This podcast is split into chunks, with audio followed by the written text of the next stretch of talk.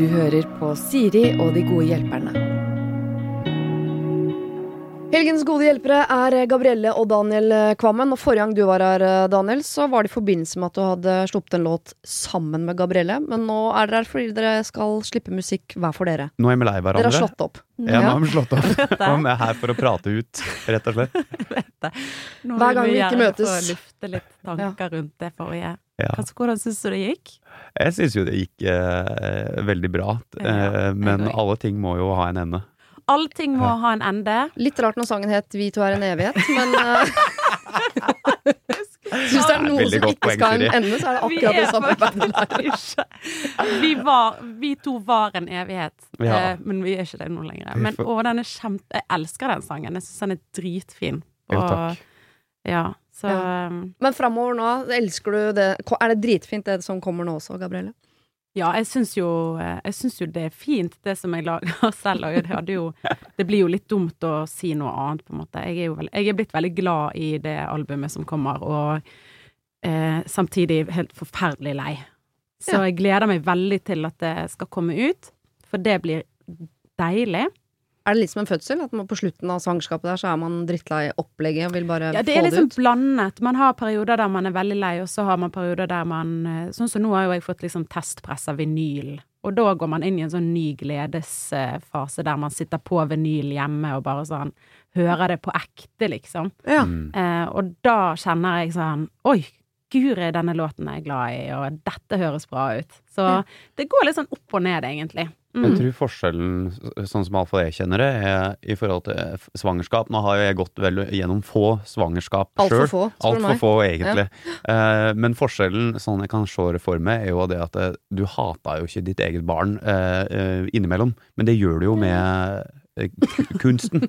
Så er det sånn Å, du elsker det. Ja. Du, du, du drar på Ja, ok. Ja. Ja, det hender man tenker senere en liten sånn til Fritzel og altså sånn Jeg skjønner at du hadde et bur i kjelleren, men man, det hadde vært deilig med en pause akkurat nå. Men det, kan, det med å slippe plate uten at vi skal snakke om dette i ti timer, er jo det at det, det kan sammenlignes med en fødsel, men det at jeg syns at det er ganske ubehagelig å føde platen. Den, n- Altså, det å slippe en plate på selve dagen, det syns jeg er Akkurat liksom den, det, den dagen og dagene før og etter kan jeg godt klare meg uten. Enig. Ja, og så vet vi at sånn du er jo glad i produktet og kommer til å bli glad i det, men du vet jo Ja. ikke hvordan folket tar det Nei. imot. Ikke sant? Det er jo Så ikke noe man tenker på. eh, Ja.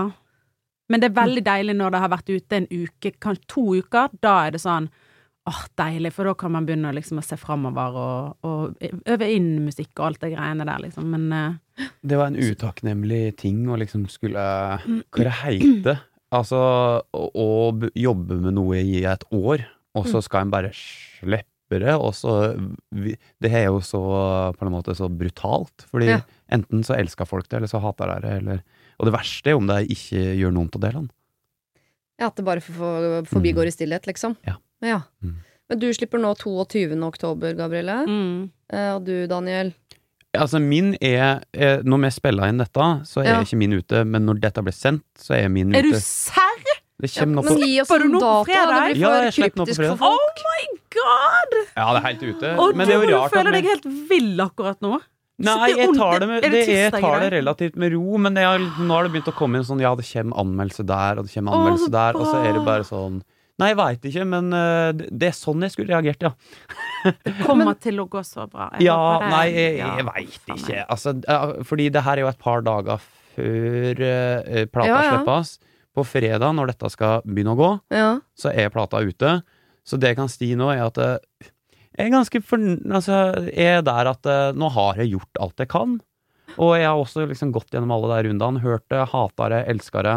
Og det er liksom ingenting Og jeg, jeg har jo med fantastiske folk som Gabrielle på plata. Altså, jeg, jeg har gjort Er alt jeg kan. med på platen? Ja, ja, ja. Herregud. Åh, ja, Er ikke det ja, ting du burde være klar over sånn rent økonomisk? Eller? Jeg, jeg, jeg håper det har vært tydelig avtalt mellom sånne folk som avtaler Å, ting. nå har vi beveget oss inn på Ja, men- ikke. Ja, ikke sant? Men Men, jeg er det, blir jo, det er jo bare superkoselig å høre. Herregud. Ja, Ja. ja. Men hun har ikke tatt den med på sin plate. Bare Ja, men det Nei, er jo det er han som har skrevet skrevet hele Det er hans låt. ja, ikke sant? Jeg Jeg kan jo ingenting i om musikkbransjen, og- jeg bare prøver å lage drama. ja. Ja. No can do! No. Nei, Men for første gang i mitt liv er jeg veldig glad for at dette ikke er live. Hvis, du hadde, eh, hvis dette hadde liksom vært innspilt samtidig som du slapp. Det hadde vært Så hadde du ligger ligget nå med presserier, og det hadde vært kaos, og du hadde vært umulig å få øyekontakt med og sånn. Hvis det er terningkast seks, så hadde jeg vært kjempeglad. Hadde Ja. det vært er det terningkast én, så, så er jo eh, Da er det mulig at jeg kommer til å ringe deg uansett for å få råd. ja. ja, det skal du få. Mhm. Det skal du få. Apropos. Apropos Å, der lagde du en nydelig overgang, Daniel. For du har vært på radio før, det er det ikke noe tvil om. Eh, og så vet vi jeg, jeg håper jeg får dere på besøk mange ganger, også etter musikken er sluppet. For Mm. Daniel skal være med i Kompani Lauritzen, eller har vært med. Jeg er Det kjempenysgjerrig på om du vinner eller ikke. så gøy. Ja, jeg Fy faen. Jeg, det er, jeg skjønner ikke at folk klarer å har du, Er det ferdig? Det er ferdig, ja. er Har ferdig, dere ja. Jeg har vært der. Vi kan ikke begynne Men vi kan eh, jo ikke begynne å snakke For Nei, du har jo ikke Når går det på TV? Er det nå Skal jeg til fortelle en, en februar, kort mars ærlig ting? Ja. Jeg blei altså verdens mest emosjonelle menneske. Så enten så blir jeg en skikkelig hyggelig sånn følsom ikke overrasket Ja. i det hele tatt. Gråter du armene til fenriken? Ikke et sekund. Jeg grein jo, men jeg gjemte meg ofte når jeg grein, da. Uh, men det kan også hende at jeg blir riksrasøl, og det er jeg ekte redd for, liksom. Ja, men jeg føler ja, de som er riksrasøl, de på en måte har en sånn annen Det er alltid sånn todelt. Det er sånn, de er jævlige, men så får de òg vist liksom en sånn mild side, og da blir det sånn Å, men ja, han er jo så Ja, og så Ja, du er Vinni. Det er ikke langt unna, det veit jeg Var han grusom i den eh, i, Ja, han kunne jo både bli sint, men også følsom. Han Ja. mediterte jo det ene øyeblikket og skjelte ut folk det andre øyeblikket. Det er jo Skal jeg fortelle deg en ting om eh, Vinni? Ja. Han er min nabo. Er det sant? Ja, han bor rett ved sida av meg. Ja, men da tror jeg du vinner. Vi vinner selv. Ok. Ja. Det kommer jeg til å spørre om etterpå, Uh, om du vinner eller ikke. Og så må du se meg i øynene og si ja eller nei. Herregud, Jeg skal ikke gjøre det mens folk hører på. Dere, nå skal vi hjelpe andre mennesker. Her står det. Kjære Siri og de gode hjelperne. Jeg er en jente i 20-åra som for tiden studerer i en norsk storby. For litt over ett år siden flyttet jeg sammen med kjæresten min, og vi har vært sammen i tre år snart. Han er snill, omtenksom, samtidig som jeg er opptatt av de samme verdiene, har felles interesser. Over til problemet. Jeg føler at vi er mer bestevenner enn kjærester. Vi er veldig trygge på hverandre, har det skikkelig bra sammen, men jeg føler meg ikke lenger tiltrukket av han. Jeg har gått rundt med disse tankene i et år nå, og går konstant rundt med litt dårlig samvittighet, da jeg av og til kan ta meg i å se på andre gutter på gata eller på treningssenter.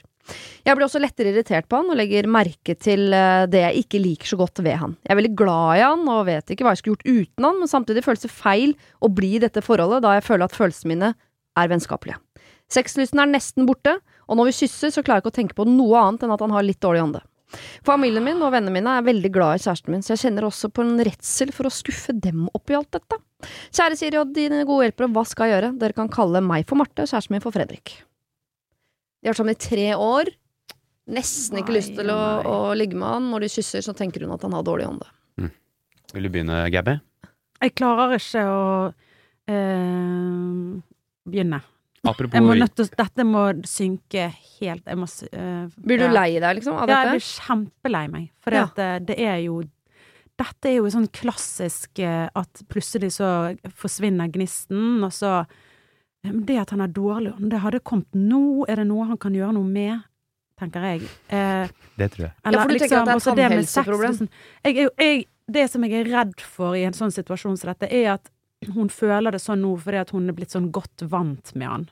Mm. Og så hvis at, de, hvis at hun mister han, eller gjør det slutt med han, så kommer hun til å ha Oppdage at hun elsket han, og at det var hjertesorg, og så har de kastet vekk noe som egentlig var veldig fint. For hva er det som er bedre enn å liksom ha en sånn bestevenn? Men det er jo kjempevanskelig når man ikke har den eh, eh, tiltrekningen til, til Altså den du skal liksom Ja. Men det, altså den derre tiltrekningen man har i starten, forsvinner jo på en eller annen måte etter hvert. Eller den blir jo litt sånn øh, mildere med årene. Uansett, tenker jeg. Og på et eller annet tidspunkt kan det godt hende at Marte, hvis hun gjør det slutt med Fredrik, så savner hun den dårlige ånden. Ja. Altså, folk har lyst til å kjøpe den på boks.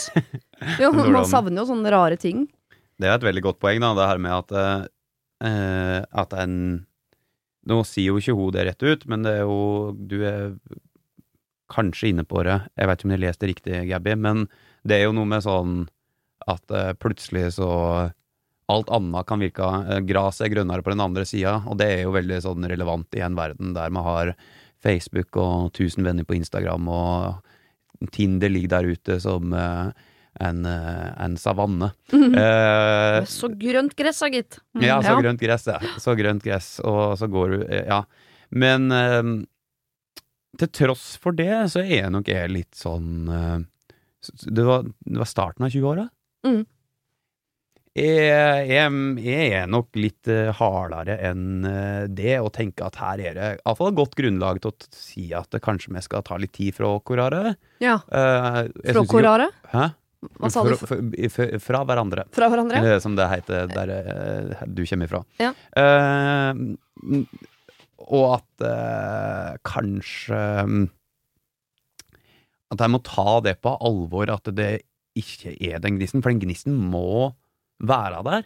Og det er typisk sånn starten til 20-åra, at eh, en har vært sammen en stund, og Mm. så begynner han å bli et annet menneske. Eh, det er veldig sånn typisk i midten til 20-åra, at en Ja. på en måte føler seg som et annet menneske enn det en var. Jeg føler Eh, meg bare forplikta til å si hver gang noen nevner dette med at gresset er grønnere på den andre sida, er jo uh, at 50% av tilfellene så, så er det jo det, faktisk.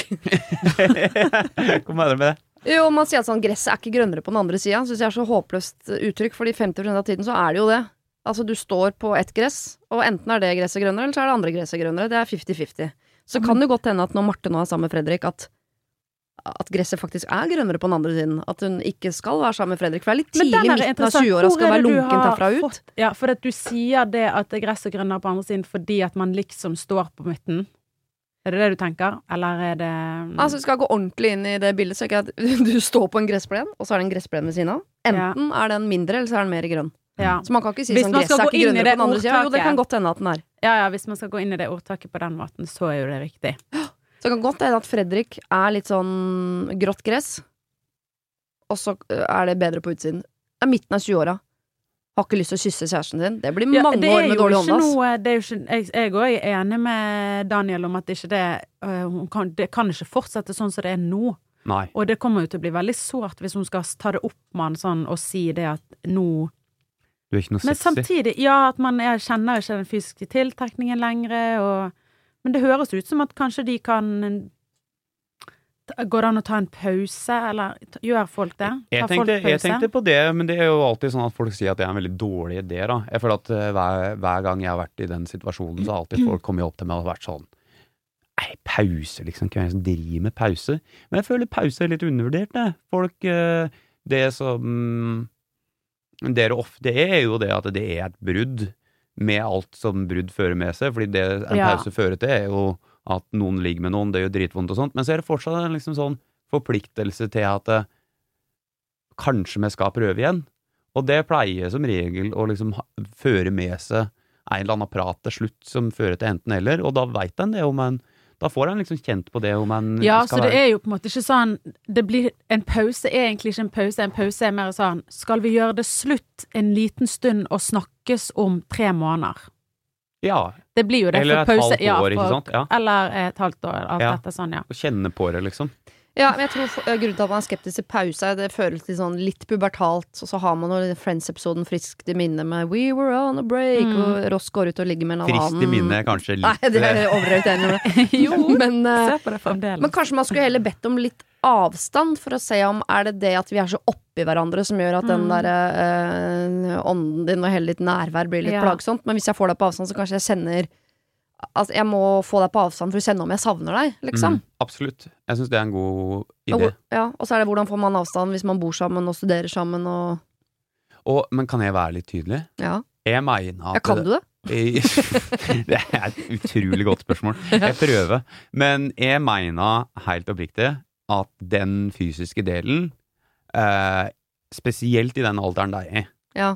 Er ganske sånn relevant, da. Hvis du er midten til 20-åra og ikke har lyst til å høvle over kjæresten din i ny og ne, ikke at det trenger å skje hver eneste dag, hver eneste uke, men hvis du ikke har lyst til det, så er det liksom Da, da må en tenke sånn.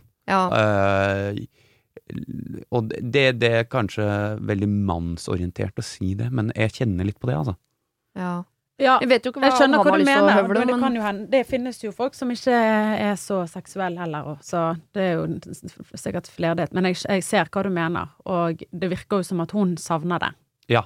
Hun som uh, vi snakker om nå, så det er jo Jeg tenker at det er veldig fint at Marte og Fredrik er veldig gode venner. Det er et godt Ja. grunnlag. De ligger sammen av og til. Og så tenker jeg at Man bør jo ta en prat om Jeg syns ikke man skal gi det opp, man bør ta en prat Nei, om det. ja. Selv om det er en vond prat, så kan det jo hende at begge har kjent på den. Vet du hva, jeg er enig, det er ikke så fysisk lenger.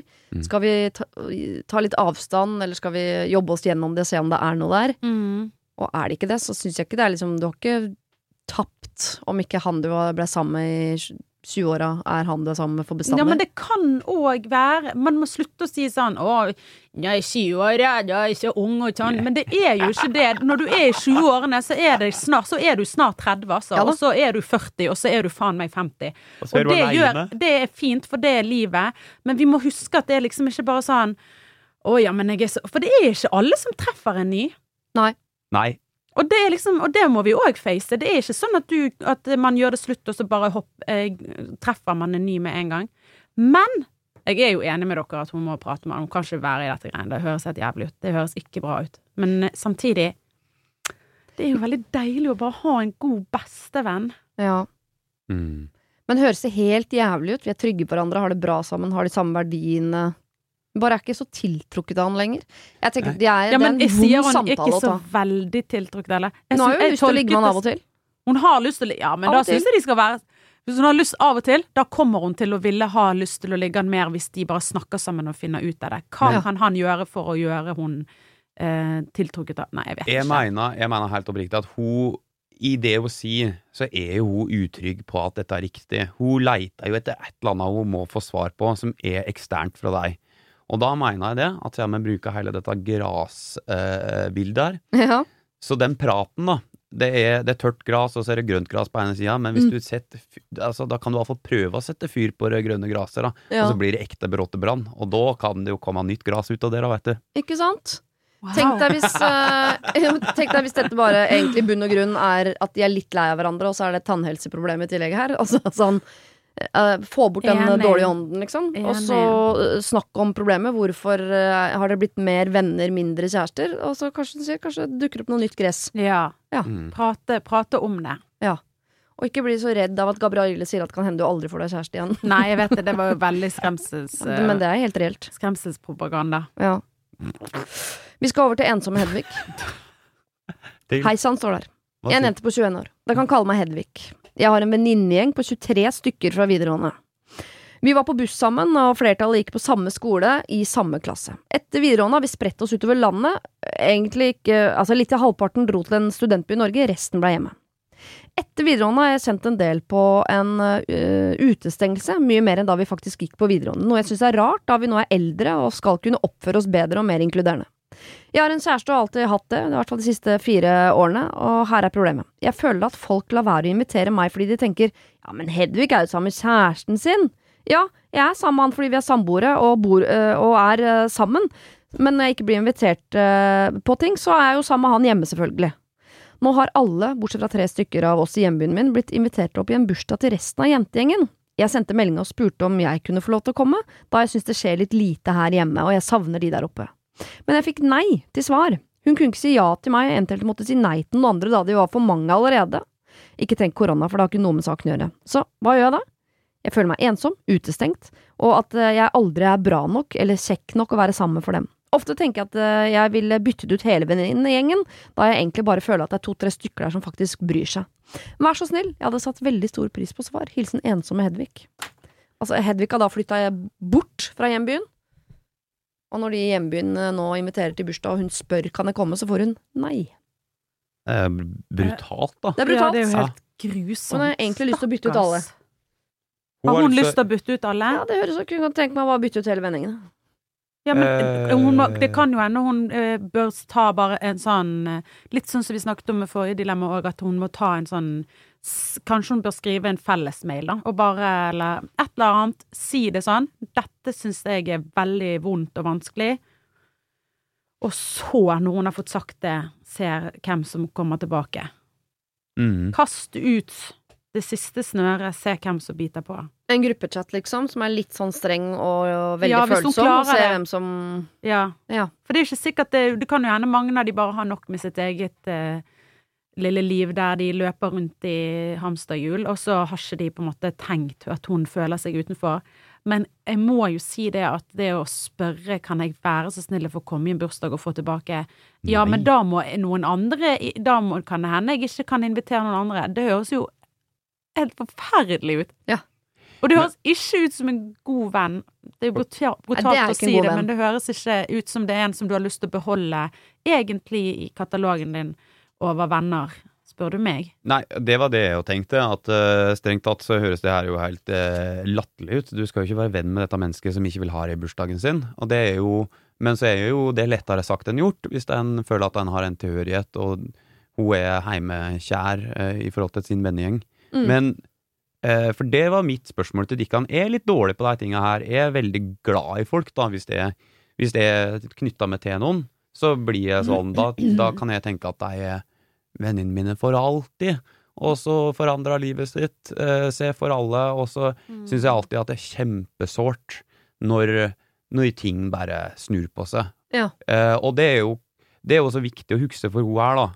Eh, at eh, Hedvig, ikke sant, det er jo Mm. ikke sikkert at hun som sier nei, mener at du er et dårlig menneske, eller at du syns, hun syns stygge ting om det. Det kan jo hende at hun på en eller annen måte bare et og de menneskene som jeg hele tida blir så overraska over, da. Det er Mm. de menneskene som bare Nei, nå er livet mitt basert på andre ting. Sorry, men Hedvig, vi kjente hverandre for to år siden, og vi var russ, og alt var moro, liksom. Men uh, nå er mine venner Jeg har ikke plass til det i mitt liv. Og sånne folk finnes det jo nok av. Og det er ikke noe galt i det, det er bare skrudd litt annerledes emosjonelt. Mm. Og avstand kan gjøre mye med et vennskap. Virkelig. At man, eh, når man ikke tar del i hverandres liksom hverdagslige sysler, så sklir det bare ut, da. Virkelig. Men det Jeg syns bare det er så brutalt, for vanligvis så ville man ikke ha spurt Kan jeg komme i bursdag. Vanligvis så ville dette problemet vært De skal ha bursdag, og jeg er ikke invitert. Hva skal jeg gjøre? Men hun har, Hedvig har jo virkelig har faktisk, sagt spurt- Kan jeg få lov å komme i Ja. bursdagen? Som er ganske uvanlig å gjøre. Veldig Ja. fint at du gjorde det, Henvik. Og fått et nei. Jeg, er helt, jeg kjenner veldig godt til det du uh, sier, Daniel, med at noen er sånn ja, men vi jo, eh, hadde jo så gøy i barnehagen sammen. Det må jo bety noe for life. Jeg er også en litt sånn veldig monogam på sånne ting. Hvis jeg har Mm. opplevd noe spesielt med noen, så tenker jeg at det varer for bestandig. Ja. Eh, og så blir man overrasket over de menneskene som er sånn Å ja, ja, det var gøy, men nå er jeg et helt annet sted. Og nå er det dette som er, som er veldig sånn Ja. mer kanskje her og nå. Dette betyr noe. Jeg er ikke så opptatt av Mm. Fortid, framtid, alle de tingene der. Men eh, Så da er sikkert Hedvig annerledes enn de andre. Men hun sier jo det er to-tre stykker som hun føler at bryr seg om henne. Kan ikke bare kjøre all in fokus på For det. det Du må- det du må jo første- 23 Det venninner. første jeg tenkte var sånn herre Vi er en gjeng på 23, så tenkte jeg Å, fy faen, tenkte du. Fy faen, så slitsomt det hørtes Ja. ut å være så mange. Og tenk å ha tre gode venner. Ja. For en gave det er, istedenfor å skulle koordinere 23. Mm. Og det er et megapoeng, da. Mm. Jeg, jeg er sånn, jeg har to-tre venner, liksom. Og det er deg. Jeg, jeg, altså, jeg går tur med han ene hver eneste lørdag, og da går vi tur. Ja. Og så går vi på den faste sjappe i Oslo. Han treffer til faste tider. Han andre, han er min beste venn siden jeg var 15 år. Og sånn, det er et kjempepoeng. Ja. Det er et Fordi kjempepoeng. virkelig bedre med tre beinharde venner som står på tykt og tynt. Og kanskje hun skal tenke på at nå er russetiden ferdig, og det er ikke Vi har ikke uh, lenger liksom de samme Det samme dritstore nettverket som vi hadde på videregående. Det var jo helt annerledes back in the day. I alle fall kan jeg huske at jeg hadde liksom Ja, man fløy mye mer rundt omkring og og hadde tilsynelatende veldig mange venner, men det var jo en helt annen eh, Vi var jo òg i en helt annen livssituasjon. Mm. Nå tror jeg at, det, at hun skal egentlig være glad hvis at hun føler at hun har eh, tre gode Eller ikke sånn du skal være glad hvis du har tre venner, det er ikke det jeg mener, men ja. At eh, eh, å ha de I hvert fall fokusere på det. Jeg tenker sånn, Du trenger ikke å verken fokusere på å, å straffe eller bli sur eller være sånn overfor hun du ikke er invitert i bursdag til. Eh, men fokusere på de tre du uh, føler deg nærmest, Mm. og som du er glad i. Og så tenker du hvis du møter hun andre en annen dag, så er dere på hils, og det er hyggelig, og du kan godt være raus Ja. med henne, men bare legg energien din på de du er glad i, liksom. mm, Ja, og der syns jeg Gabby er inne på noe veldig relevant her, som er Det er jo det at eh, Det tenkte ikke jeg på, men det var veldig fint du sa, Gabby. For det er viktig for hun å huske hun Hedvig, og at nå som du er 21 år, noe som ligger i det derre alle folk flyr rundt, og noen bryr seg mindre om hva som var før. Mm.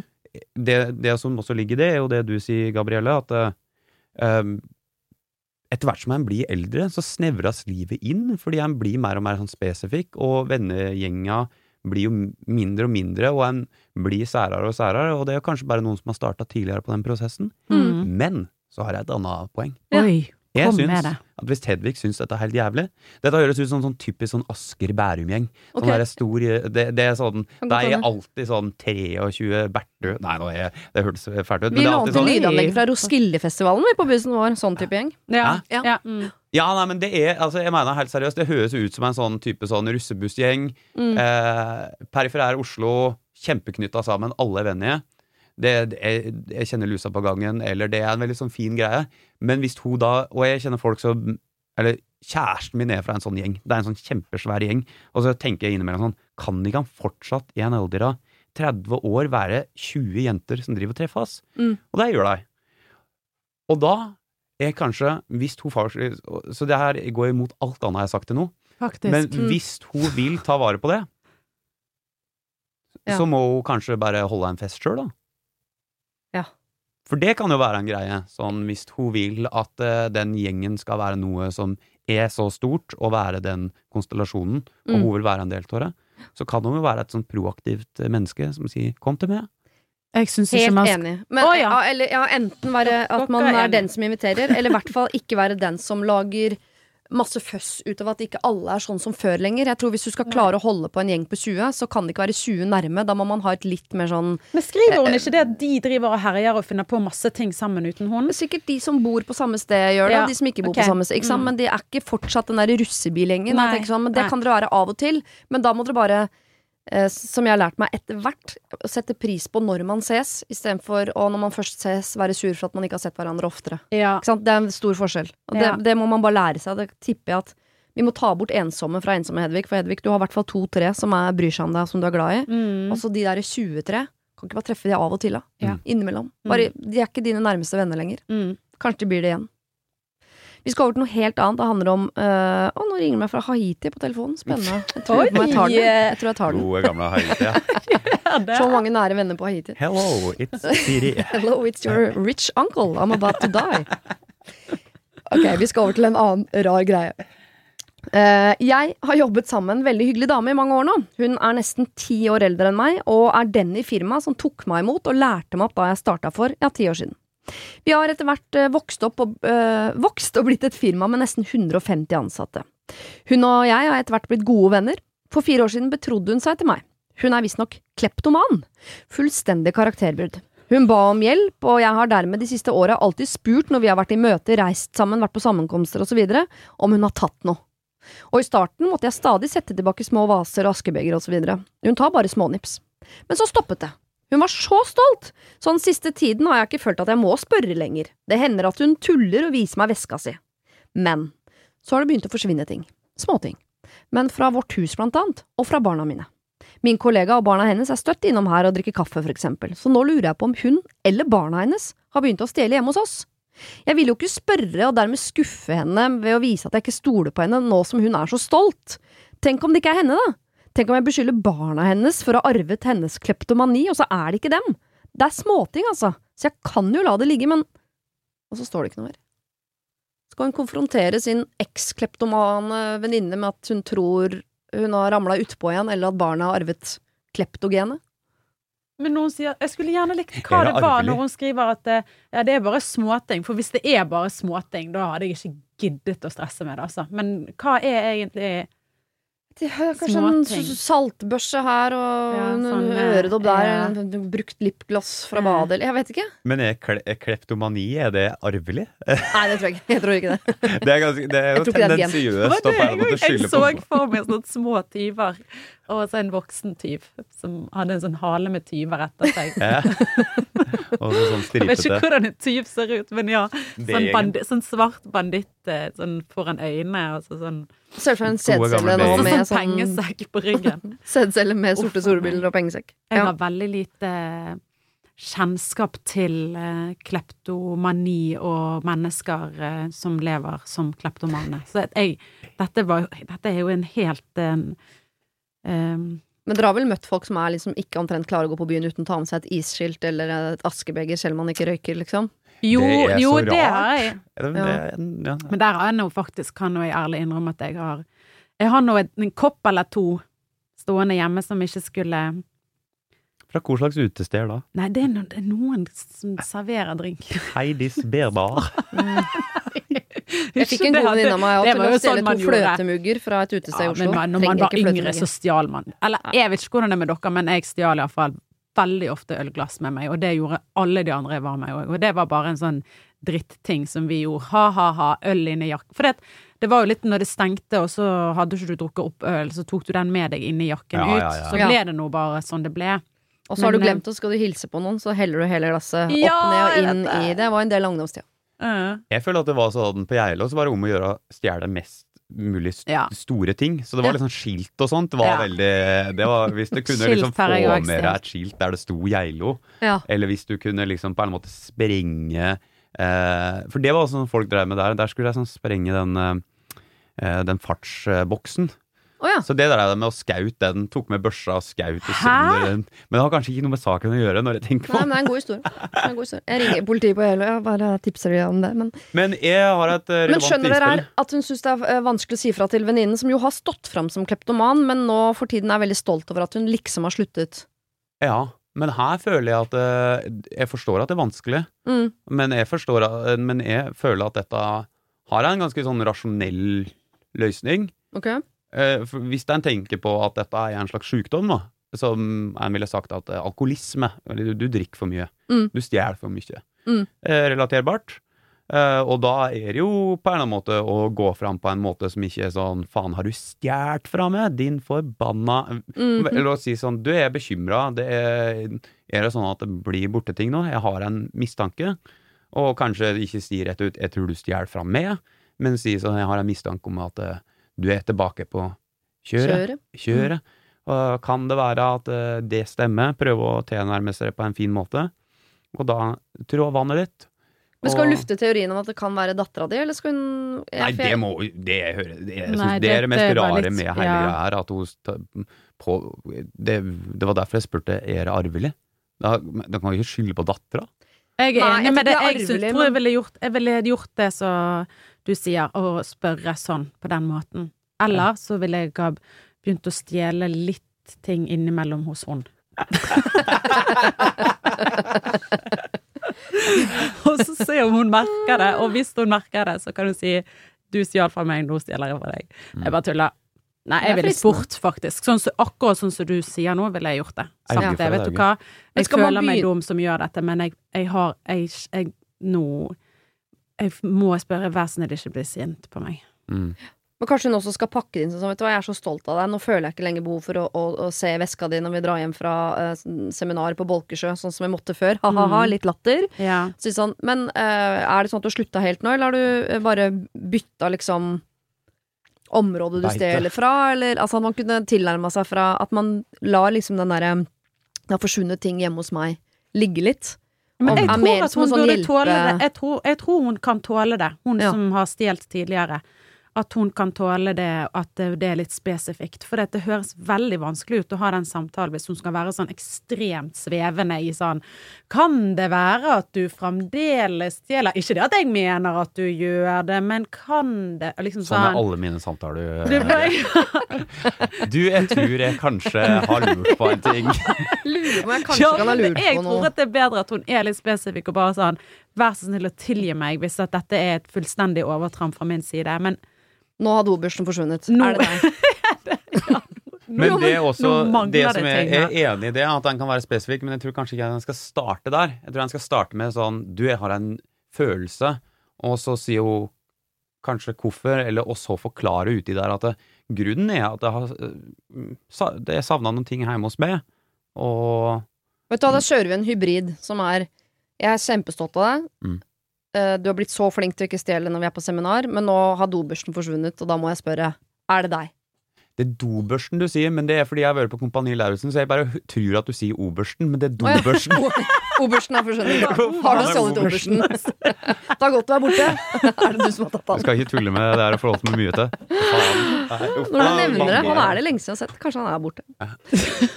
Ok. Uh, artig problem. Interessant. Hvorfor, hvorfor er prate om borte? oberst? Du har vært på Lauritzen nå òg, tenkte jeg. Det er ikke så lenge siden du kom hjem, eller? Ja, ja. Vi skal over til problematiske svigers. Noen som han har, er de som har. Ingen hender å være. Hei, jeg, nei. Hei, Siri. Litt usikker på om jeg egentlig kan kalle dette et problem, men jeg trenger i hvert fall noen råd til hvordan jeg skal gå fram. Jeg ble kjæreste med en fin fyr for tre år siden. Vi har det helt fantastisk, familien hans er super, det er morsomme, har samme verdier som meg, problemet er lillebroren hans. Lillebror er 24 år, og utad fremstår han som hvilken som helst annen gutt på hans alder. Han er sjarmerende, snill, utrolig smart og dyktig på studiet sitt. Men innad er han en annen, da han har hva jeg vil kalle et alvorlig alkoholproblem, og kanskje litt mer. Det er på det nivået at han kan drikke tre vinflasker på en vanlig tirsdag, på dagtid. Har besvimt under middager på restaurant osv. Jeg er litt i villrede på hvor jeg er her, hva jeg kan gjøre i situasjonen. Det virker som om familien bare soper dette under teppet og later som om alt er greit. Men jeg vet jo at slike problemer ikke forsvinner av seg sjøl. Kjæresten min sier at familien har dette under kontroll, men det tror jeg ingenting på. Vi har fått et godt forhold, og jeg lurer på om jeg skulle sagt eller gjort noe sjøl. Det gjør fysisk vondt i hele kroppen å ikke si eller gjøre noe når jeg ser at han ikke har det bra. Så fra kleptomani til alkoholproblemer, altså. Jeg har nettopp lest en uh, bok om eh, sterk alkoholisme. Ja. Uh, så det, dette føler jeg at jeg kan mene noe om, uten å på en måte ha personlig kjennskap til det. Men jeg leste da boka at han, kunstneren Sverre Bjertnæs, og han har vært ravende alkoholiker i mange år. Ja. Og eh, det kan jo høres ut som når du da drikker tre flasker med vin på en vanlig hverdag, Da tror jeg alle landets aviser vil definere deg som alkoholiker uansett hvilken test du tar. Og da er du, da er du fysisk avhengig, Tore, og det er jo det som er litt skummelt. Så eh, hvis familien oppriktig eh, skyv det under teppet, så er jo dette et kjempeproblem. Mm. Altså hvis hun har riktig idé, men det hun kanskje burde prøve å sette seg inn i, er jo hvorvidt familien tar grep Fordi det er ikke sikkert at de har så lett for å kontrollere det heller. Altså, greia er jo uh, Min erfaring fra Mhm. den boka, og min ene venn, som har vært uh, veldig alkoholisert for mange år siden, er en venn, uten at jeg skal nevne hvem. Han har vært kjempealkoholisert, og jeg tror jo det at det, det er jo det at familie kan jo miste kan jo miste helt kontrollen, på en eller annen måte. Mm. Så, så sånn at når de sier jeg har kontroll, det kan godt hende at de prøver å få han til rehab i ny og ne, Mm. men at dette er noe de prøver å holde mellom seg for at eh, hans liv skal prøve å gå så ubemerka hen, da, sjøl om han sliter med dette problemet. Så det jeg ville kanskje prøvd på, var å finne ut eh, hvorvidt liksom svigers faktisk ikke gjør noe, eller om de gjør noe som hun ikke veit om. Gir det noe mening? Ja, og så tenker jeg, er det så farlig Eller har det noe å si om de gjør noe eller ikke? Hun kan vel også gjøre noe? Det er ikke sånn at fordi de gjør noe, så kan ikke hun gjøre noe. Hvis eh, poeng. svigers er på saken, så kan det hende at det er hyggelig at det kommer en inn fra sida og som ser det fra en annen vinkel, og sier sånn Jeg syns jeg observerer at ikke du har det bra. Er, Mm. er det noe jeg kan gjøre for å hjelpe deg? Som Kanskje han syns det er bedre å få hjelp av henne enn mora og faren sin? Mm. Oi, dette var vanskelig. Ja, jeg har ikke noe eh, et, Akkurat her vet jeg eh, nesten ikke hva jeg skal si. For dette er jo et veldig sårt tema, og så er jo det Kan jo man òg liksom få litt sånn berøringsangst rundt at man tør ikke helt å ta konfrontere han med det og sånne ting. Det kan jo hende at familien syns det er vanskelig og Men siden at ikke vi vet, sånn som Daniel, Daniel sier, at vi vet jo ikke egentlig hva de gjør. Mm. Men hun sier det virker som at de ikke gjør noe. Kanskje hun ja, bør finne ut hva de gjør, og ta liksom Kanskje være litt tydelig på hvor bekymret hun er. Bare sånn jeg, 'Dette er veldig viktig for meg at vi tar tak i dette. Hva har dere gjort? Hva kan jeg hjelpe med?' Mm. Men trenger hun å problematisere dette opp mot svigerfamilien sin? Kan hun ikke ta det direkte? For det høres ikke ut som hennes problem er 'jeg vet ikke hvordan jeg skal snakke med han'. Det virker som hun syns at det problematiske er overfor de andre rundt han. Ja, jeg trodde hun fikk liksom low-key beskjed om å egentlig ikke blande seg, men hun gjorde vel kanskje ikke det? Men jeg, jeg tenker, de har jo vært sammen i tre år. Da har jo hun sitt eget forhold til denne broren. All, all, altså hennes forhold til denne broren må jo ikke alltid gå gjennom kjæresten heller. Mm.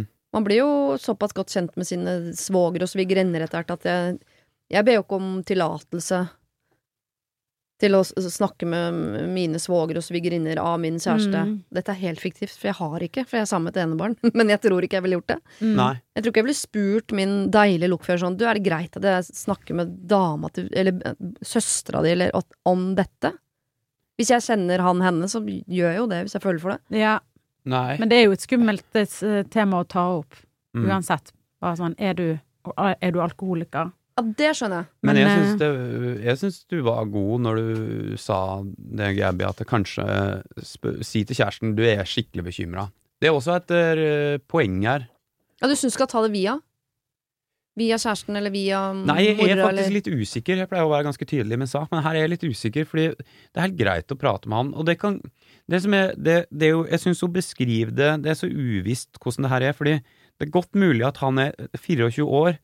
Da drikker jo folk eh, I visse miljøer så drikker jo folk mye. Det kan godt hende at jeg, de føler at han er for ung til at de på en eller annen måte har lyst til å definere Altså familien ikke føler at det, han, han vekk stase, ikke sant? Ja, men dette Ja, er jo bare er spekulasjoner. Vi kan jo ikke, dette, vi kan jo ikke sitte her og kan hende de tror det, og kan hende de tror det. Må, hun må jo finne ut hva de tror. Og jeg tror hun må involvere seg sjøl i denne situasjonen skikkelig. Hvis hun er så bekymret, så må hun enten gå direkte til han, eller så kan hun si til broren en gang til, som virker som han hver gang sier sånn 'Vi har det under kontroll, vi har det under kontroll'. Men at hun er helt tydelig på 'Jeg syns ikke det virker som at dere har dette under kontroll, derfor kommer jeg til å gå og snakke med han'.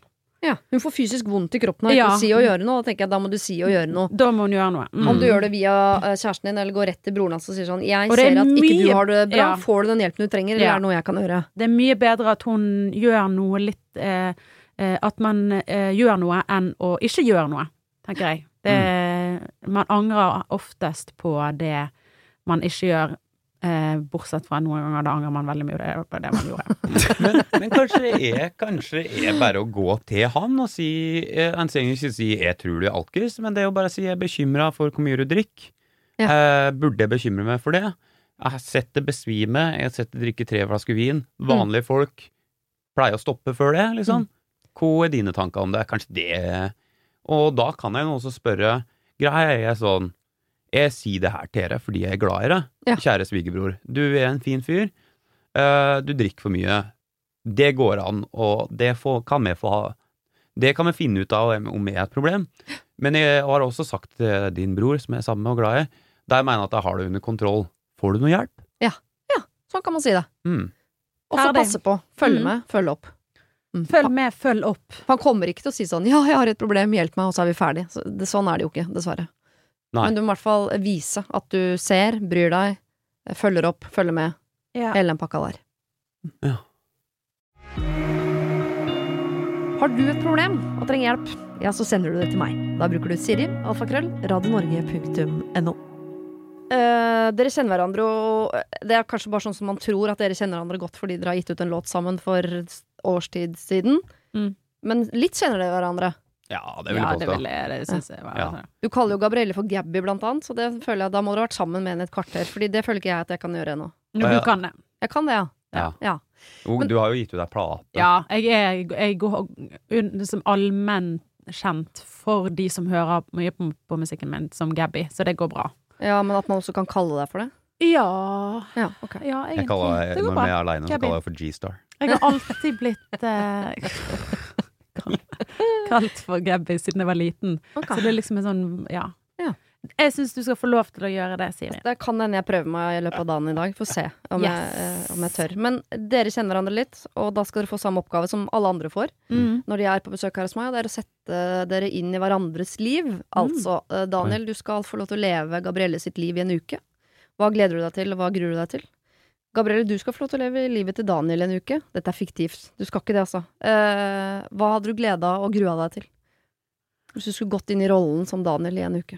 Jeg hadde gledet meg til å eh, jogge fort og eh, ha masse sex. Er det jeg har det du alltid vært driver så med når du nysgjerrig på hvordan det er å ha sex som mann. Oh, Du ja. Ja. med? Jeg vet ikke hvor mye du ligger med damen din, men i alle fall. Det hadde vært gøy. Og så er du i veldig god form, så det, det hadde jeg likt å oppleve. Ja. Er det, er det kjipt å si? Nei. Nei, Nei, det er Daniel er vel happy med at det, det der god form-greiene har vel kommet siste året. Ikke at ikke du var frisk og rask og gikk på begge beina i fjor òg, men Går på raskere på de beina nå. gjør det. Ja. Gjør det. Ja. Nei, jeg syns det var en god betraktning. Jeg har tenkt på det veldig ofte. At det, det må jo være veldig Nei, altså, for å svare på spørsmålet ditt. Jeg prøver å holde liv i heimen, ja. Eh, så her Nei, jeg er litt jeg er enig, altså. Greia er det at det, Enig Det med hva? Nei, enig at det At han løp fort og ligger med du dama løper fort si. og ligger med da. Ja. Ja. Mm, mm, mm. Nei, nei også, også at det, det, er alltid, det det hadde vært fantastisk å prøve å ha sex som dame. Det, det Ja. var det vi var Nå må du ikke Ja. leve mitt liv. Men hva Ja. gruer du deg til da, Gabrielle? Vi er jo også med og nesten naboer. Men jeg har Ja. en kompis som bor i området. Jeg skal, dette kan vi prate om senere. Men eh, Ja. Nei. Oi, oi, oi. fint. Eh, eh, Klarer du å se, å se for deg noe du gruer deg til i livet til Daniel? Um, jeg, meg og Daniel er jo på en måte lik i den grad av at vi òg, sikkert på mange områder, men vi tenker veldig mye. Jeg tror Daniel òg grubler veldig mye, Ja. og det hadde jeg ikke gledet meg til. Å Nei. gå inn i den uh, grublefasen. For det syns jeg liksom Det har jeg nok av i mitt eget hode. Så hvis det skulle liksom Ikke sant? Kan bli litt mye tenking. I alle fall, ja, eller uten at jeg skal si noe. Nei, og du da, altså- Daniel? Andre veien? Nei, altså, det er veldig fascinerende, fordi jeg, jeg hiver meg på sexen. Bare sånn, ikke, det er bare mer sånn her fordi at jeg syns det har vært interessant som eh, kvinne å ha sex. Eh, hvordan kjennes det?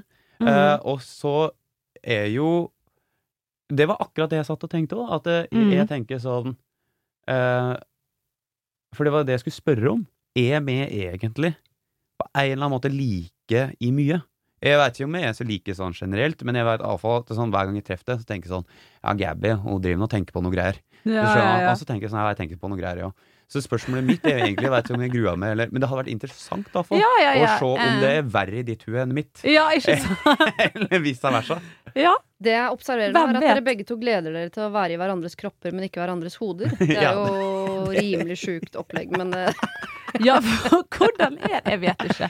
Ja. Å skulle være inni noen andre sitt eh, Hode. hode, ja. Det, Ja. det, som, det må være veldig sånn fett, fordi eh, Gabby er jo eh, har jo drevet på et par år foran meg, så Gabby liksom er jo i en sånn situasjon at hun nå har blitt sånn headliner. Ja. Og jeg sånn, jeg kan headline på visse festivaler, men ikke på kanskje det aller største. Så det kunne jeg gleda meg veldig til. da Og liksom skulle gått der ut og bare fyrt på fem fine frøkner. Og vært G-star, liksom. G-Star. Eh, eh, og eh, diverse hits. Ja. Gønne på. Gønne Gabby, gønne på. Ja. Ikke forlat det der hodegreiene, for vi skal inn i et problem som handler om uh, hodet. Ja. Uh, og jeg vet ikke om dette er problematisk eller bare uh, veldig, veldig fint, men eh, problemet heter Einstein sammen med de dumme folka. Mm. Oi, oi, oi, oi. Spørsmålet mitt virker nok litt egosentrisk, men sannheten er at jeg faktisk bare lurer. Er det jeg som er for smart, eller er alle rundt meg stokk dumme? Mine venninner er supre, de altså morsomme og ja, men de er dumme. Eh, Men jeg kan jo ikke si det til dem, eller? Venninne nummer én kom til meg her en dag og lurte på hvorfor typen hennes hadde en hard klump på halsen. Hun var redd han hadde kreft. Jeg ba henne google adamseplet. Noe hun aldri hadde hørt om. Venninne nummer to spurte meg om hvorfor hun fikk tvillinger, da hun bare har én mann. Altså, jeg får jo en del latter som disse folka, men jeg føler meg også slem. Jeg sliter daglig med disse herlige tullingene. Men vi er jo over 35 år, seriøst. Er folk så uvitende nå til dags? Det skal sies at jeg er ganske smart, en IQ på 141. Burde jeg skaffe meg smartere venner? Hilsen Einstein. Åh, dette har jeg så lyst til å begynne på. Ja, gjør det. Begynn du. Jeg syns Åh, jeg syns det er vanskelig. Jeg skal si at jeg opp igjennom har tenkt på dette ganske mye. Ikke fordi at jeg nødvendigvis nå i dag føler meg så smart, og det er dit jeg skal. Hun må skjerpe seg. For det her går ikke an. Og det Må. Einstein skjerpe seg? Må han bli dummere, eller må venninnen hans Greia er det der at det der er så farlig vei å gå gjennom. Men jeg har ofte tenkt det, ja. Men nå har jo jeg glupe venner etter hvert, da. Men jeg er liksom sånn Jeg kan føle meg relativt liksom eh, reflektert, da. Ja. Eh, jeg har aldri tatt noen IQ-test eller noe sånt. Og, eh, matte. Det høres mer ut som på du skal ta en. EQ-test i så fall. Hæ? Det høres mer ut som du skal ta en EQ-test. Ja. Det- ja. Eh, eh, men uansett, så, så går han liksom rundt, og så kan jeg tenke det der sånn derre Og det er en sånn usympatisk tanke å liksom skulle føle seg bedre enn noen. Det der er en så mørk vei å gå ned, er poenget mitt. Ja. Fordi hun, hun føler seg bedre enn noen fordi hun er smartere enn deg. ja. Og det er Dette er Jeg vet ikke helt hvordan jeg skal beskrive det, men det er altså en så eh, Det er en sånn snever ting å tenke om menneskets natur. ja. Fordi vi er så mye mer enn det. Og hvis hun ikke kan fucke med folk, og hvis hun ikke kan liksom ha det fett med folk fordi de ikke veit hva et adamseple er, så må hun skjerpe seg. Og det mener jeg virkelig. Og dette kommer fra en kar som ofte har tenkt sånn Fordi jeg forstår det, altså forstår ikke den det, skal jeg da liksom Skal jeg gidde å på den måte bruke tida mi på det? Og det er derfor jeg nevner EQ IQ. For jeg tenker sånn, en ting er jo at vanligvis hvis man er én en type person, da, for eksempel eh, sånn som deg, Daniel, reflektert, tenker mye, alle de tingene der. Jeg Eh, trodde, mente, jo- jeg trodde helt seriøst når du sa du burde tatt en EQ-test, da trodde jeg du mente equalizer. Altså Nei. EQ er når du stiller Sosial på frekvensene av eh, lyd. Nei, den testen skal du slippe å ta. Nei, Nei, altså sosial, eh, sosial intelligens. For vi, vi godtar jo at mennesker som er Hvis man er typisk sånn, så vil man også henge med folk som er typisk sånn, så man har noe felles å snakke om. Men skal vi ikke godta det hvis eh, hun eller han her, jeg er usikker på om han er jente eller gutt, jeg, føler seg veldig veldig smart, og at alle rundt seg er dumme. Og så spør jo vedkommende da burde jeg skaffe meg smartere venner. Det er fristende å si sånn, ja, eller Kanskje bare Kanskje du skal det, eller? Det, det var jo en slags sånn ideologi nede i Tyskland som baserte seg på sånne tanker. Ja. Ja, men handla det om intellekt? Blant annet, altså det handla jo om at en føler seg bedre og overordna noen. Jeg syns det er helt hårreisende å tenke at en er bedre enn noen fordi en eventuelt er smartere enn noen. Det ville Ja. vært akkurat som at jeg tenker at fordi jeg er bedre form enn noen andre akkurat nå, Ja. så er jeg bedre enn deg. Jo, men han- hvis du da skulle uh, dratt på løpetur, da du hadde dødslyst til å løpe så fort du kunne opp et fjell, så hadde du tatt med en annen som også hadde lyst til å løpe dødsfort opp et fjell. Ja, men det Du hadde ikke ikke ikke spurt meg. Siri, skal vi løpe opp et fjell sammen? Det hadde du ikke Hvis du hadde sagt skal vi gå opp det fjellet sammen? Ja, men gå. det, jo, men det her er, jeg mener det er kjempesterkt, og jeg, vi kommer sikkert til å være uenige. Men poenget er det at vi må være rause nok som mennesker til å omgås folk som er ulike oss. Og det er generelt et ekstremt viktig standpunkt for meg. Ja. Fordi hvis vi begynner å si sånn Nei, men den er ikke sånn og sånn, og jeg kan ikke henge for det og det, så ender vi opp i en situasjon Eller altså Den ytterste tanken til det er jo på en måte Folk er dårligere enn meg. Ja. Og det kan vi ikke gå rundt og tenke. Nei, men man har jo lov til Hvis hun ikke koser seg med vennene sine, så får hun gå og finne seg nye venner, da. Altså, Jeg syns dette spørsmålet er helt merkelig. Det er sånn, Ja. Herregud, hva er det du snakker om? Mm. Hvis du har det gøy med vennene dine, så gjør det ingenting om de ikke vet hva et adamseple er, eller whatever, liksom. Jeg syns det er helt rart at hun i det hele tatt stiller dette spørsmålet. Så bastant må jeg få lov til å være. For det, det, blir, det blir for dumt. Det er sånn Å, hva skal jeg gjøre? Skal jeg finne meg nye venner? Jeg tar faktisk ikke spørsmålet seriøst, og jeg nekter å bruke tid på det. Men du, Siri, Men jeg, men, jeg, jeg, kan jeg utfordre dere på en ting? ja. Fordi du er en gluping. Du er sånn, du er sånn teknisk glup. Eh, det har jeg sett på TV. Ok. Ja, Du er sånn som ser eh, Så du er sikkert god på all sånn du, er, du har sikkert en relativt høy IQ. Mhm. Så kan du kjenne deg igjen i den tanken der? Nei, jeg kan, nei, absolutt ikke. Men jeg bare, grunnen til at jeg er streng med dere, for jeg er helt enig i premisset til begge to, er at hvis, hvis en hadde skrevet inn mer sånn Jeg føler meg veldig annerledes, jeg føler meg ikke hjemme i mitt Mm. miljø, så ville jeg sagt sånn herregud, gå og eh, eh, finn et sted hvor du føler deg hjemme, ville jeg på en måte sagt. Eh, Men særlig fordi Einstein på en måte setter seg selv øverst i et slags fiktivt hierarki som er helt forkastelig, så blir man sånn fy fader, du Ja, kanskje du skal gå gå få deg andre venner, men ikke for din egen del, men for de vennene dine. Men jeg syns ikke det skal være basert på det at de, fordi at de er eh, dummere, eller quote on quote, eh, ja, at hun er så mye smartere. Jeg syns det må være hvis, du ikke, hvis ikke du har det fint med vennene dine, eh, da er det veldig synd. Da bør Mm. du kanskje se deg om etter noen andre, og så men hvis at du har det gøy med de, og, og det, ting er sånn som det Jeg har masse forskjellige venner, og noen ganger er jeg der, og noen ganger er jeg der. Men, men det blir liksom sånn Det som spiller noen rolle, er jo om vi er gode med hverandre, og hvordan vi får hverandre til å føle hverandre når vi er sammen, og når vi går til hvert til vårt. Nå er du god. Nå er du god. Nei, ja, men nettopp skal du derfor ha. så er det vel fristende å si til Einstein at ja, kanskje du skal skaffe deg andre venner, men det er mest av hensyn til de vennene dine som du går og ser ned på og syns er dumme. Så tenker jeg det må være deilig for de å slippe det. Ja, Ja. og her er, jo, her er jo svaret todelt, da, på en måte. At eh, ok, du kan godt liksom gå og finne deg et annet miljø hvis det får deg til å føles mer tilfreds, men du må også liksom tenke litt på hva slags perspektiv du har på andre mennesker. Så her får du eh, litt refs. Einstein, her syns vi du er litt ute og kjører, har kanskje litt rart uh, syn på verden. Hvis ikke du føler deg hjemme med vennene dine, så kanskje både du og vennene dine har godt av at dere skiller lag. Rett og slett. Vi skal holde oss innenfor cirka samme problematikk. Vi har et samarbeid med Mental Helse Ungdom for å få dere gutta til å klare å, å også be om hjelp. Jeg syns ikke dere er så gode på det, så Oskar hos Mental Helse Ungdom har hentet inn dette spørsmålet til oss. Hallo, Siri. Jeg har fått inn et problem fra en fyr, og jeg tror det problemet her er noe som flere kan kjenne seg igjen i. Eh, han skriver Jeg føler ofte at jeg kommer til kort i samtaler, og at jeg burde vært smartere for å ha rett til å si noe. Det her gjør at jeg ofte sier ingenting, og føler meg bare enda mindre av det. Hvordan kan jeg øve meg på å bli tryggere til å snakke med folk, selv om jeg ikke kan så mye om det vi snakker om? Har dere noen råd og tips? Med vennlig hilsen Anonym mann. Skjønner. Vi er innafor samme problem, Wow. eh, og, men fra andre siden, her er det en som føler at jeg har ikke så mye å bidra med i, i samtalen. Her må jeg jo si det at jeg har jo eh, da nå sluppet ei plate som heter Guta som gret, eh, så her burde jeg kunne greie å mene noe. Det er jo typisk mann, da. Eh, Ja. Jeg er ikke sånn. Jeg er tjata. Men det er jo typisk, et veldig typisk mann. Ja. Eh, det er veldig sånn typisk eh, stereotypen eh, mannfolk, eh, og Hæ? Hva Jeg er ikke enig i det hele tatt. Stereotypisk mann å føle at de ikke kan bidra i en samtale. Heller tvert imot. Unnskyld at jeg sier det. Men kan du, ja, men kan du kjenne det igjen uh, også? Jeg, eh, jeg kan kjenne meg igjen i det spørsmålet jeg fikk veldig vondt når jeg hørte det spørsmålet, for det er jo noe veldig mange kan relatere til. Ja. Mhm. Men, jeg, men føler du det? Unnskyld, nå var jeg litt bra, liksom sånn babust mot deg.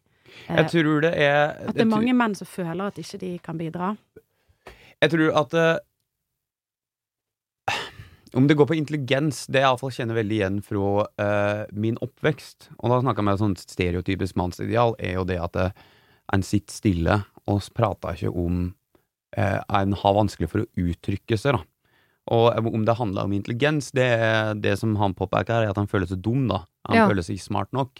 Og det vet jeg jo, men jeg kjenner meg iallfall veldig igjen i det scenarioet der jeg og fattern prater ikke til hverandre. Ja. Mm. Sjøl om han er mitt største idol.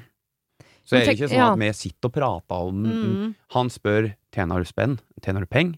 Jeg sier ja, det går greit. Nei, ja. Og det, liksom, det er sånn strekker samtalen seg. Mm. Og det er nok en eller annen sånn frykt for å på en måte si noe som ikke stemmer. Men jeg veit Jeg, jeg syns det er At det kan føles som det fins mangel på et språk, da, når du er mann, eh, for visse ting. Men så skjønner jeg også veldig godt hvor du kommer fra, når du sier sånn Menn har fått styre verden. Hele altså, så, jeg, så jeg skjønner jo at det er en slags uh... Sa du det? Gabriel?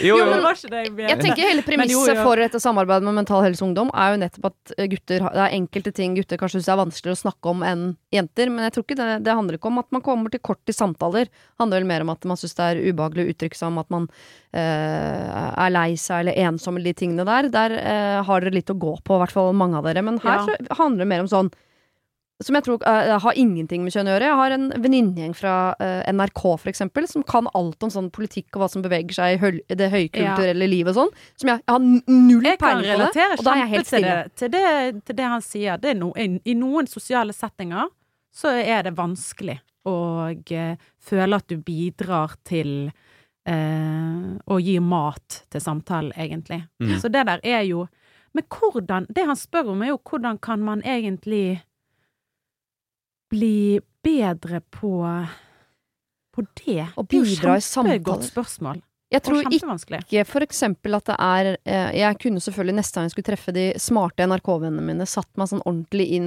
bare styrtlest noe Shakespeare eller et eller annet for å prøve å fremstå som smart, men det er jo ikke meg. Nei. Jeg tenker heller at man må tenke at jeg har andre kvaliteter som jeg kan bidra med, så den dagen dere ikke lurer på noe politisk, men dere lurer på sånn «Åh, Fader, det går dårlig med typen om dagen, så kan jeg melde meg på og Mm. si noen ord, men man trenger ikke Det er derfor man, som du sa i stad, Gabrielle, man har forskjellige venner til forskjellige ting. Jeg har jo Mm. venninner jeg bare vi kunne snakke utelukkende om oppussing. Har en venninne vi snakker utelukkende om dårlige fedre. Mm. Og så har jeg en gjeng som da utelukkende snakker om, om uh, politikk og kultur, og så sitter jeg på sidelinja og innimellom skyter inn en sånn liten artig kommentar. Mm. Ja, han er pen å se på. Han Ja. eh, Moxnes. Ja, ja, ja. og når, hvis jeg kan noe, så kan du banne på at jeg sier det høyt. Å ja, det er han som er eh, leder i Senterpartiet, Mm. ikke sant? De bare ja, ja, mm. Men jeg tenker jo at man må finne, kanskje finne ut eh, hva som er kjernen i problemet. Er det det at man skulle ønske at man kunne mer om de forskjellige liksom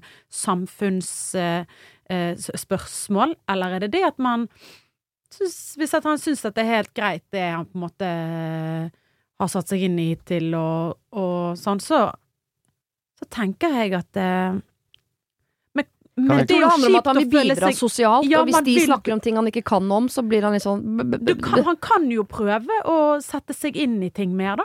Kan jo være en, en har- Lese nettavisen, lese Gå inn på nettet innimellom. Prøve å, å liksom lese seg litt opp av og til. Eller være nysgjerrig i samtalen. Jeg har, jeg har Ja. én venninne Ja. som er Men- god på å være nysgjerrig. Hun eneste jeg kjenner som er god på henne. Så når vi snakker om ting hun ikke kan noe om, så stiller hun masse spørsmål fordi hun genuint lurer på det. Og Ja. bidrar til samtalen ved å få oss videre i samtalen. Ja. Fordi vi svarer henne på ting. Tør å være Vise at eh, man ikke vet ting. Ikke sitt som alle andre og vent på sånn 'Å, der er mitt cue til å si hva jeg kan', for det er nettopp det Fordi, som ødelegger en samtale. komme med et innspill her? For det her mener jeg helt seriøst. Fordi mest sannsynlig så er det De kan ta jo nå premissas på alvor. Han føles ikke smart nok. Men det jeg tror jeg Og for jeg er hun venninna. Ja. Jeg, jeg, jeg har for eksempel en sånn gjeng som du prata om. da Jeg har noen sånne veldig høykulturelle sånne litterære driv litteraturfestival og sånt. Og så eh, kan bli sånn at de blir litt stille og sånt. Men jeg bare spør spørsmål. Mm. Og det er premisset med det han sier, er jo det at han føles ikke smart nok. Men jeg tror at han skal tørre å utfordre det litt, og bare si ting. Og stille spørsmål, og bare gjøre noe. Fordi mest sannsynlig så stemmer ikke det. Og, det er, og hvis det da stemmer, så kan en jo da eventuelt liksom legge om taktikken og bare holde kjeft, finne nye venner, eller lese seg opp på en eller annen måte. Ja. Da er det jo relevant. Men mest sannsynlig så er det bare en sånn floskel som han har lagd seg. Ja. Og da er det bare hiv det ut i det. Og jeg må si det at eh, som di, så er det en stor suksessfaktor for mitt liv at jeg bare spør om ting. Jeg er aldri for dum, og det dummeste du gjør, er å ikke stille spørsmål. For da lærer du ingenting. Jeg tenker også det. Ikke eh, vær den du er. Ikke lat som. Ikke les ting. Ikke forbered deg til å være sammen med vennene dine. Men når du er der, vær til stede. Spør om ting, og vær ærlig på hva du kan og hva du ikke kan. Så jeg er helt sikker på at det er en fin ting som bidrar inn i samtalen. Ok, her står det. Hei, Siri. Akkurat da Norge stengte ned, ble jeg singel. Vi var samboere, og det var et sårt brudd fra min side. Det var både utroskap og løgn etter løgn om de minste ting. Vi er fra en liten by, der de fleste vet alt om alle. Til slutt trodde jeg at jeg var gal, og ble så usikker på min egen dømmekraft at jeg mista meg sjøl totalt. Av respekt for meg selv og hans familie, som jeg er svært glad i, ønsket jeg å avslutte forholdet med å være venner.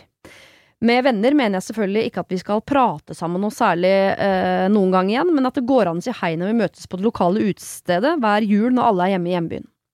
Sendte meldinger videre om at jeg ønsket alt godt og ville legge dette bak meg. Dette ble aldri besvart, og jeg hørte av venner av han at han hadde forandret seg totalt, og forandret historien om hva som hadde skjedd. Han dro rett og slett crazy-kortet, mens jeg, dum som jeg var, ikke hadde fortalt noe særlig til noen unntatt mine nærmeste. Problemet er, ett og et halvt år og noen psykologtimer senere har jeg kommet meg ganske fint over dette. Nå sliter jeg med hvordan jeg skal forholde meg til han og alt som skjedde. Vi har uh, samme venner, nære familier, så vi kommer alltid til å være en del av hverandres liv. Jeg vet at jeg burde heve meg over det, men jeg er fortsatt en smule bitter. Når jeg er hjemme en helg eller to, eh, blir forholdet alltid tatt opp av andre, da det var byens store snakkis ganske lenge. Jeg blir like satt ut hver gang, og svarer ganske ærlig, uten noe særlig dramatikk rundt det. Syns dere jeg skal late som om vi er venner og at alt er bra og hate i stillhet, eller er det på sin plass å fortelle sannheten? Det siste jeg vil, er å være den eksen. Kall han Gunnar og meg Solfrid. Hilsen en som akkurat nå fikk litt angst når Norge åpner opp og det, eh, jeg blir dratt ut av komfortsonen. Skjønner dere her? Ja. Kjempegodt. Ja, hun har prøvd å være the bigger person, han har ikke vært det, og så er det hun som på en måte ut av tapt ansikt. Å, Gud Enda det er hun som har egentlig gjort det eneste som er riktig. Ja, det er helt ute. Dette vet Jeg skjønner jo at hun er kjempe At hun, at hun sliter med dette. Ja.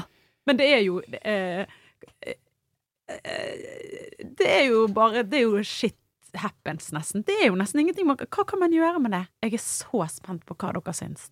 Jeg kan uh... Jeg, bare, jeg, jeg, mener, jeg, vil at, jeg vil at hun skal bli kvitt bitterheten sin, for han skal ikke få lov Ja. til å ødelegge henne. Nei. For er man bitter lenge, så blir man helt ødelagt. Den, helt og om det er å stå foran i båten og skrike sannheten, det vet Mm. jeg ikke.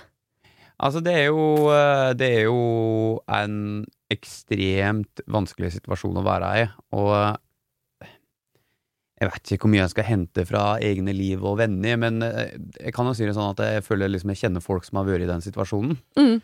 Uh, og det som er det vonde, da, er jo det at i en sånn situasjon der alle kjenner alle, i et lite miljø, Mm. og én prøver å være the bigger person, og de har sikkert krangla, og det har sikkert vært eh, helt ute tilstander, for det gjør det jo, som hun sier, hun føler seg gal, og det har sikkert gått helt over stokk og stein. Det er ganske vanlig, det skjer, det skjer ikke med alle, men det skjer med noen, og det skjer, liksom. Mm. Det som er kjempevanskelig, er jo da å sitte i den situasjonen og kjenne på Jeg har ingen kontroll. Og Mm. han sitter og manipulerer situasjonen. Han eier den sannheten, på en måte. Har jo da Men den, den tunge sannheten, men som også er en fin sannhet, er at det går Hvis hun bare oppfører seg, så går det sakte, men sikkert over. Fordi han kommer til å vise sitt sanne jeg igjen, på en måte. Han kommer til å Altså, når han er et utspekulert menneske, mm. så Men det tar lang tid, ikke sant? Så han kommer til å avsløre seg sjøl, og så kan hun godt si til et par utvalgte venner som hun stoler på, at du, det her stemmer jo ikke. Nei. Det var ikke sånn det var. Jeg, jeg gjorde det, han gjorde det. Vi var begge gærne. Forhåpentligvis så innser hun det. Mm. Eller jeg vet ikke, altså det hun føler er sin sannhet. Og så tar det tid, og så går det sakte, men sikkert over. Men det hun ikke burde gjøre, Mhm. er å begynne å gå ut til folk og si sånn Sverte han, liksom? Ja, nei, for det kommer til å bite henne i ræva, liksom. For da, da blir det ord mot ord, og den, da blir alt bare en sånn Da blir hun like ille som han, og det kommer hun seg ikke ut av det heller. Nei. jeg vet Du må, at det være stor, du må være større enn han, på en måte. Jeg vet at det du sier er riktig, men det er derfor jeg også egentlig bare skal holde kjeft her. Fordi det Alt inni meg skriker hevn. Ja, men det er jo ikke. Og dette blir jo bare Drama avler jo drama, på en måte, hvis at man lar seg suge inn i det. Og jeg Mm. syns ikke det høres ut som det er noe hun bør eh, gjøre. Men det går jo relativt greit når hun ikke er hjemme, da. Det er jo bare når hun kommer hjem på disse her hellige Når det er sånn ferier og sånn, da treffer hun de folkene i den bygda som han har s- spredd løgner til. Mm. Mm. Og så ellers når hun er i eh, Hvor var det hun bor? Nei, det sa hun kanskje ikke. Vet ikke. Mm. Så går det bra. Ja, så hun burde egentlig på en måte bare fortsette å gjøre det hun har gjort hele veien, som er det riktige å gjøre. Og bare være ordentlig og real. Og Ja, men er det alltid at de vinner til slutt? Jeg, jeg, ville, det jeg ville, tror jeg ganske sikkert, prøvd å utforme en mail til han Mhm. Au. før man Ikke mail eller eh, noe Nei, nei, Er det nei. gale? Jo, jo, nei, du skal Jeg, du, Jeg skal jo ikke si eh, jeg Som skal et ikke, eh, siste, som et siste, bare sånn. Fordi at da kan hun legge det helt fra seg. Da kan hun skrive sånn Hei, jeg hører at det går rundt en historie her som ikke stemmer. Jeg er mm. veldig lei meg for å høre det. Mm. Jeg håper du dør, med vennlig hilsen. Nei, men, men Sakte, det, grunnen til at det er veldig sånn At jeg uffa meg når du sier det, er at bare sånn min erfaring med sånne situasjoner er bare at Hvilken Hvilke erfaring har du med den situasjonen? Okay, har, du være- sendt, nå- nå skal har du sendt eller har nei, du Nei, mottatt? nei, nei, nå skal jeg bare være helt ærlig. Jeg føler at jeg har vært to. At eh, jeg har liksom Ja, eh, har du sendt melding og sagt Nei, men at jeg har vært i en situasjon der noen har på en måte sånn skjønt at å ja, men Kvammen han er bare stille, han kommer aldri til å si noe, så jeg, dette kan jeg forme akkurat som jeg vil. Ja. Og, ikke sant? og det, det syns jeg var så ubehagelig. Og jeg, det er det verste, det er noe av det verste jeg har opplevd. Mm. Virkelig. For det var da et halvår til et år der, der jeg blei sånn som henne. Jeg bare tenkte at alle hata meg. Og det var sånn, det gikk skikkelig inn på meg, og nå deler jeg altfor mye her. For dette, dette er ganske Og jeg syns det var så tungt. Men min erfaring, da Jeg kan ikke si at det er sånn, men min erfaring er bare det at det, uansett Han er så utspekulert. Han, han, han kommer aldri sant. Han kommer aldri til å ta Hun må bare holde seg langt unna. Ja, så hun må holde seg unna, og så må hun unngå kontakt med han, og så må hun bare vise sitt sanne jeg over tid. Eh, Det kommer til å gå over. Det vonde svaret er jeg veit ikke, Siri. Jeg veit ikke om det er sånn at han er stille, og så vinner en, sakte, men sikkert på det. Men det som iallfall er helt sant, er at Mm. jeg tror det blir verre av å utfordre sånne utspekulerte, eh, manipulative folk. Ja, og jeg kan være helt, ja, mm, ja. Enig. Jeg tenker sånn, Du kan godt skrive alle de mailene sånn, men du trenger kanskje ikke å sende dem. For det er noe sånn, jeg, jeg, eh, Hvis jeg føler meg urettferdig behandla, så blir jeg ekstremt sint, og jeg er langsint og jeg er hevngjerrig. Og får alltid råd om at jeg må sitte helt stille i båten og tenker sånn, det strider imot alle mine behov. Mm, Men så gjør jeg det, og så går det lang tid, og så, så ser jeg at det var det eneste riktige å gjøre. Hvis jeg hadde reagert ut ifra eh, hvem jeg er der og da, så Ja. hadde det blitt så mye styggere. Så jeg tenker her at Solfrid også, alle dine behov, alt det du har lyst til nå, du må bare dessverre eh, prøve å legge litt lokk på det. Skriv de mailene, snakk med de gode vennene dine, men fortsett å take the high road, liksom. Mm. Også på sikt så vil jeg si at ikke nødvendigvis at, at man vinner og det går dårlig med han og sånn, men du kommer til å kjenne at du vinner på at du ikke gikk hans vei. Tror jeg, Og så tror jeg det at eh, jo flere hun prater med Unnskyld, Mm. ikke for at jeg må ta historie, men jo flere hun prater med hver gang hun er hjemme der folk skal på død og liv konfrontere folk med brudd som er over for lenge siden, kan Mm. folk slutte med det i det hele tatt? Jeg forstår ikke hvorfor man gjør det, men uansett Og da kan hun si sånn ja, det var litt av en historie han er ute med, eller et eller annet. Og så bare legge det død. Og for hver gang hun sier det, så, Mm. er det, så blir det flere og flere som skjønner det at å ja, det var kanskje ikke helt sånn som han sier. Ikke mat bygdedyret. Bare avslutt den samtalen når du kommer hjem. Folk begynner og sier sånn Ja ja, nei, men jeg er litt ferdig med det. Kan vi ikke snakke om noe annet, da? Ja, Mm. det er kanskje bedre. Så kanskje ikke konfronterer konfrontere meg og Gabby med at vi ikke er en evighet lenger. Her, jeg. Kanskje kanskje bitterhet det, liksom. er en forferdelig følelse. Den, den må drepes. Altså, bitterhet må knivstykkes, og det, er, det må Men man gjøre bitterhet selv. er jo noe du må jobbe med over tid år, på en måte, for, og det er jo en vanskelig følelse å forstå Ja. og håndtere. Den må ikke få lov til å ta bolig i kroppen din. Den ødelegger bare verten, på en måte. Det er, eh, nei, det er forferdelig. Ja, Helt forferdelig. Da må man slutte jobben sin. Takk for meg. Ok, vi tar siste problem. Her står det. Kjære Siri og de gode hjelperne, jeg har et problem. En av mine beste venninner, Anita, er ufrivillig barnløs. Hun og partneren har forsøkt å få barn i noen år, med hormoner, prøverør, uten hell. Det er selvsagt veldig trist og frustrerende. Oppi deres forsøk på å få barn, så har jeg blitt gravid, uten nevneverdige anstrengelser. Dette var så klart vanskelig å fortelle om, men Anita tok det bra og sa at hun var glad på mine vegne. Så til problemet. Etter nyheten om min graviditet har det vært vanskelig å få kontakt med Anita. Hun tar som regel ikke telefonen, etterfulgt av SMS om at hun er opptatt akkurat nå. Hun ringer ikke opp igjen og svarer svært sjelden på meldinger, ofte veldig kort. Det har nesten ikke vært initiativ fra hennes side. Etter at mitt barn ble født, har det vært enda mer stille, og ethvert forsøk på å møtes blir avvist med uli ulike unnskyldninger. Dette opptar mye tid i mitt hode om dagen. Jeg har så vondt av Anita og hennes situasjon, men jeg vil være hennes venninne, og jeg er usikker på hvor mye mer jeg skal forsøke å kontakte henne. Akkurat nå føler jeg at jeg maser på en som ikke vil være sammen med meg eller møtes. Har jeg rett og slett mistet en venn til sjalusien? Skal jeg slutte å prøve å møtes, og håpe at hun er klar for det senere? Er det noen måte å prate med henne om dette uten at det blir kleint og rart? Kall meg Signe. Mm. Mm. Det synes jeg er vanskelig. Hmm, ja, nei, her Ja. Herlighet. Jeg bare vet at hvis hun allerede ser på deg som en, på en måte, som har vunnet i situasjonen, hvis du i tillegg skal være den som er sånn snill og overværende, som er den som rekker ut en hånd og er liksom full av overskudd og raushet, så kan det faktisk bare være enda mer provoserende. Mm. Men Kan det kan hende at hun ja. var nødt til å etablere eh, Unnskyld, adressere eh, situasjonen ganske tydelig med hvem er det, Var det Anette som ikke hadde fått barn, eller var det Anita, og så er det Signe som har fått. Signe har fått, og, Mm. og, og, og Anita har ikke fått. Mm. Og eh, går det an å si eh, Jeg lurer på om det går an å si eh, Hei, Anita. Nå savner jeg deg veldig. Jeg føler at ting har blitt veldig vanskelig jeg, etter jeg ble gravid og etter jeg fikk barn. Tar jeg helt feil, vær så snill å snakke med meg. Ja. Selvfølgelig går det an å si det. Jeg føler bare det er det man må gjøre i disse situasjonene der man ingen prater sammen, og alle bare antar og antar, og nå er hun stille, og hun er stille, og, og liksom, og så bare bygger man opp en sånn historie, og så angriper man aldri egentlig selve kjernen ved det.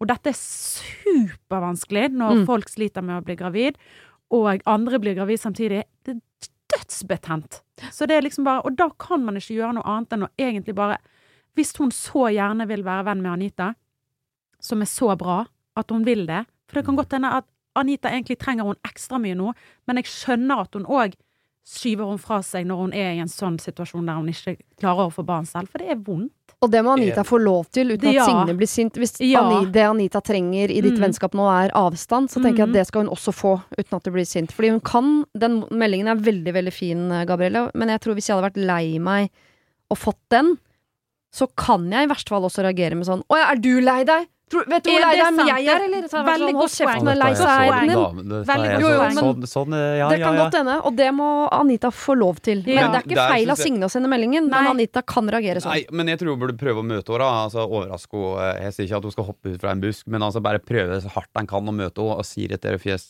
til fjes, fordi den meldinga er veldig det, det, det som er viktig for meg å si, er jo at uh, dette er grunnen til at uh, jeg tror at vi liker Gabby. Det er jo åpenbart, så kan jeg bare konfrontere problemet. Si 'komme til kjernen'. Der er du dritbra. Det er ingenting som ikke kan sies, så lenge det blir sagt med kjærlighet. Det mener jeg. Så lenge du sier at jeg ønsker det beste for det, denne situasjonen, us, Mm. derfor sier jeg, så kan du si alt. Eh, men da må du også si det med kjærlighet. Du kan ikke si det for å såre folk. Det er jo der folk drites ut. At det er, det er på en måte konfrontere folk med ting, men så vil det egentlig bare på en måte konfrontere deg, og så, kanskje såre litt òg, mens de gjør det. Mm. På en måte fortelle folk at de ikke har det, er bra. Men det som er utrolig sårt med dette, er jo det at Og det var kanskje det du sa også, Siri, at en kan liksom ikke styre Anita sine følelser av å føle at hun blir utsatt for et eller annet som hun ikke har lyst til å ha noe med å gjøre. For det er så sårt. Det er liksom det største i livet for hun, Anita er tydeligvis å eh, få unge. Og, Mm. Så jeg, jeg, jeg tror at eh, det er på en måte å si akkurat de tinga, helst face to face.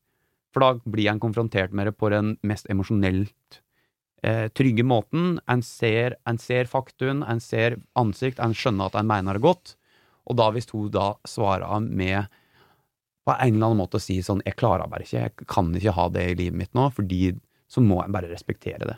Men det kommer an på på hvem liksom- Anita er. Jeg ville hatt heller tekstmeldingen enn at jeg måtte ta det Ja, face to face. For jeg har tenkt sånn, ja, for jeg Ja. tenkt sånn Jeg må få lov til å reagere på min måte alene, uten Ja. at du skal stå og, og jeg, jeg kan ikke også ta hensyn til deg og dine Nei. følelser oppi dette. Dette må jeg få lov til å deale med på egen hånd. Nei, jeg mener det. Jeg mener det. Det er helt Mener du Absolutt. Jeg er helt enig med Siri òg. Mm. Hæ?